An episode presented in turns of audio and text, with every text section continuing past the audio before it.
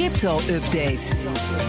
Met Herbert Blankenstein, presentator van BNR's CryptoCast, onze podcast over Bitcoin en andere digitale coins. Herbert, goedemorgen.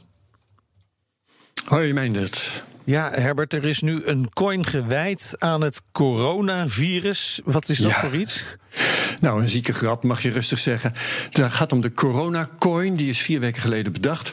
Begon met een oplage van 7,6 miljard exemplaren. Het aantal coins is gelijk aan het aantal mensen op aarde. Oh ja. En dat is een bewuste keus.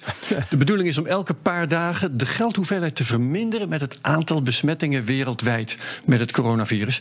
Nou ja, en je weet wat er gebeurt met een munt waarvan de geldhoeveelheid vermindert. Ja, die wordt meer Die, eh, waard. wordt- ja, die wordt, precies. De koers stijgt, denk je dan.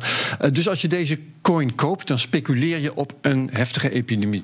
De makers proberen dan hun ethische hachje te redden door te zeggen dat ze 20% van de waarde aan het Rode Kruis gaan geven. Ja, dat moet je maar net geloven dat dat gaat Ja. gebeuren. Ik heb eens gekeken, de site coronatoken.org, daar kun je terecht voor informatie. Die verwijst naar een white paper, traditionele beginselverklaringen waarmee de meeste coins beginnen. En als je op die link klikt, dan komt er niks, die loopt dood. Dus op dit moment kom je meer te weten uit artikelen die erover zijn geschreven dan van de makers zelf. En dat voelt niet helemaal goed. Nee, dus net als het coronavirus zelf, met een grote boog omheen lopen dus. Het lijkt me een goed plan. En om dan ook toch nog even zakelijk te worden. Het aantal besmettingen is op dit moment zo klein ten opzichte van de wereldbevolking. En de vraag naar die coin is zo dun dat als wat er is aan koersbewegingen.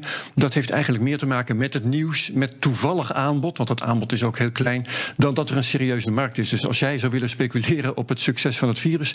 investeer dan maar in mondkapjes of iets dergelijks. Ja, oké, maar, maar Herbert, even voor eh, serieus, moeten we het dan wel over deze coin hebben dan? Ja, dat heb ik me afgevraagd. Eh, weet je wat het is? Het gebeurt. En dan vind ik het eigenlijk een slechter idee om het er niet over te hebben dan om dat wel te doen. Anders kan ik er ook niet voor waarschuwen. En dan zou ik ook niet kunnen melden dat het op Reddit immoreel wordt genoemd en smakeloos. En wat ik ook leuk vond, iemand merkte op: als dit soort troep wordt gemaakt, dan is blijkbaar de cryptocourts weer helemaal terug. Dus gelukkig is er genoeg tegen gelaten. Ja, cryptocourts is dan wel een hele bijzondere benaming in dit geval. Eh, Die had, dat had ik niet eens zelf Nee. door. Ja, klopt. Ja, ja, ja, ja. Hey, eh, Herbert, serieus. Google haalt de apps van crypto nieuwsites uit de Play Store. Wat gebeurt daar? Ja, nou, eh, weet ik niet. Het is een hele rare ingreep van Google.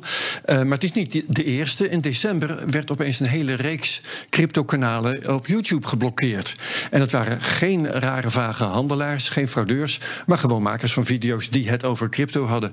En nu dus hetzelfde, maar dan in de Play Store. Apps van totaal bona fide nieuwsites zoals Coindesk en Cointelegraph zijn opeens verdwenen, niet meer te vinden. Eh, net als in december verwacht ik dat Google het straks een vergissing gaat noemen en het ongedaan gaat maken. Maar je vraagt je wel af oh, hoe het kan dat dit gebeurt, of algoritmes dit nou doen of mensen. En eh, ik eh, voorspel dat Google daar helemaal niks over gaat uitleggen. Eh, wat zit er in de CryptoCast morgen, Herbert? Nou, we gaan het maar weer eens hebben over de behandeling van de anti-witwaswet in de Eerste Kamer. Eh, Die is namelijk nu begonnen. Gisteren in de commissie van, van Financiën. Bitcoinbedrijven vinden die wet te streng en te duur. En we praten met Simon Lelyveld, expert in financiële regelgeving. Heeft al maanden harde kritiek hierop. En we hebben ook een ondernemer, dat is interessant, die stopt met zijn cryptobedrijf als die wet erdoor komt. Gewoon vanwege de kosten. Morgen aan het eind van de dag dan kun je dat allemaal beluisteren. Dankjewel, Herbert. Alle afleveringen van de CryptoCast zijn natuurlijk te beluisteren via de BNR-app, bnr.nl of in je favoriete podcast-app.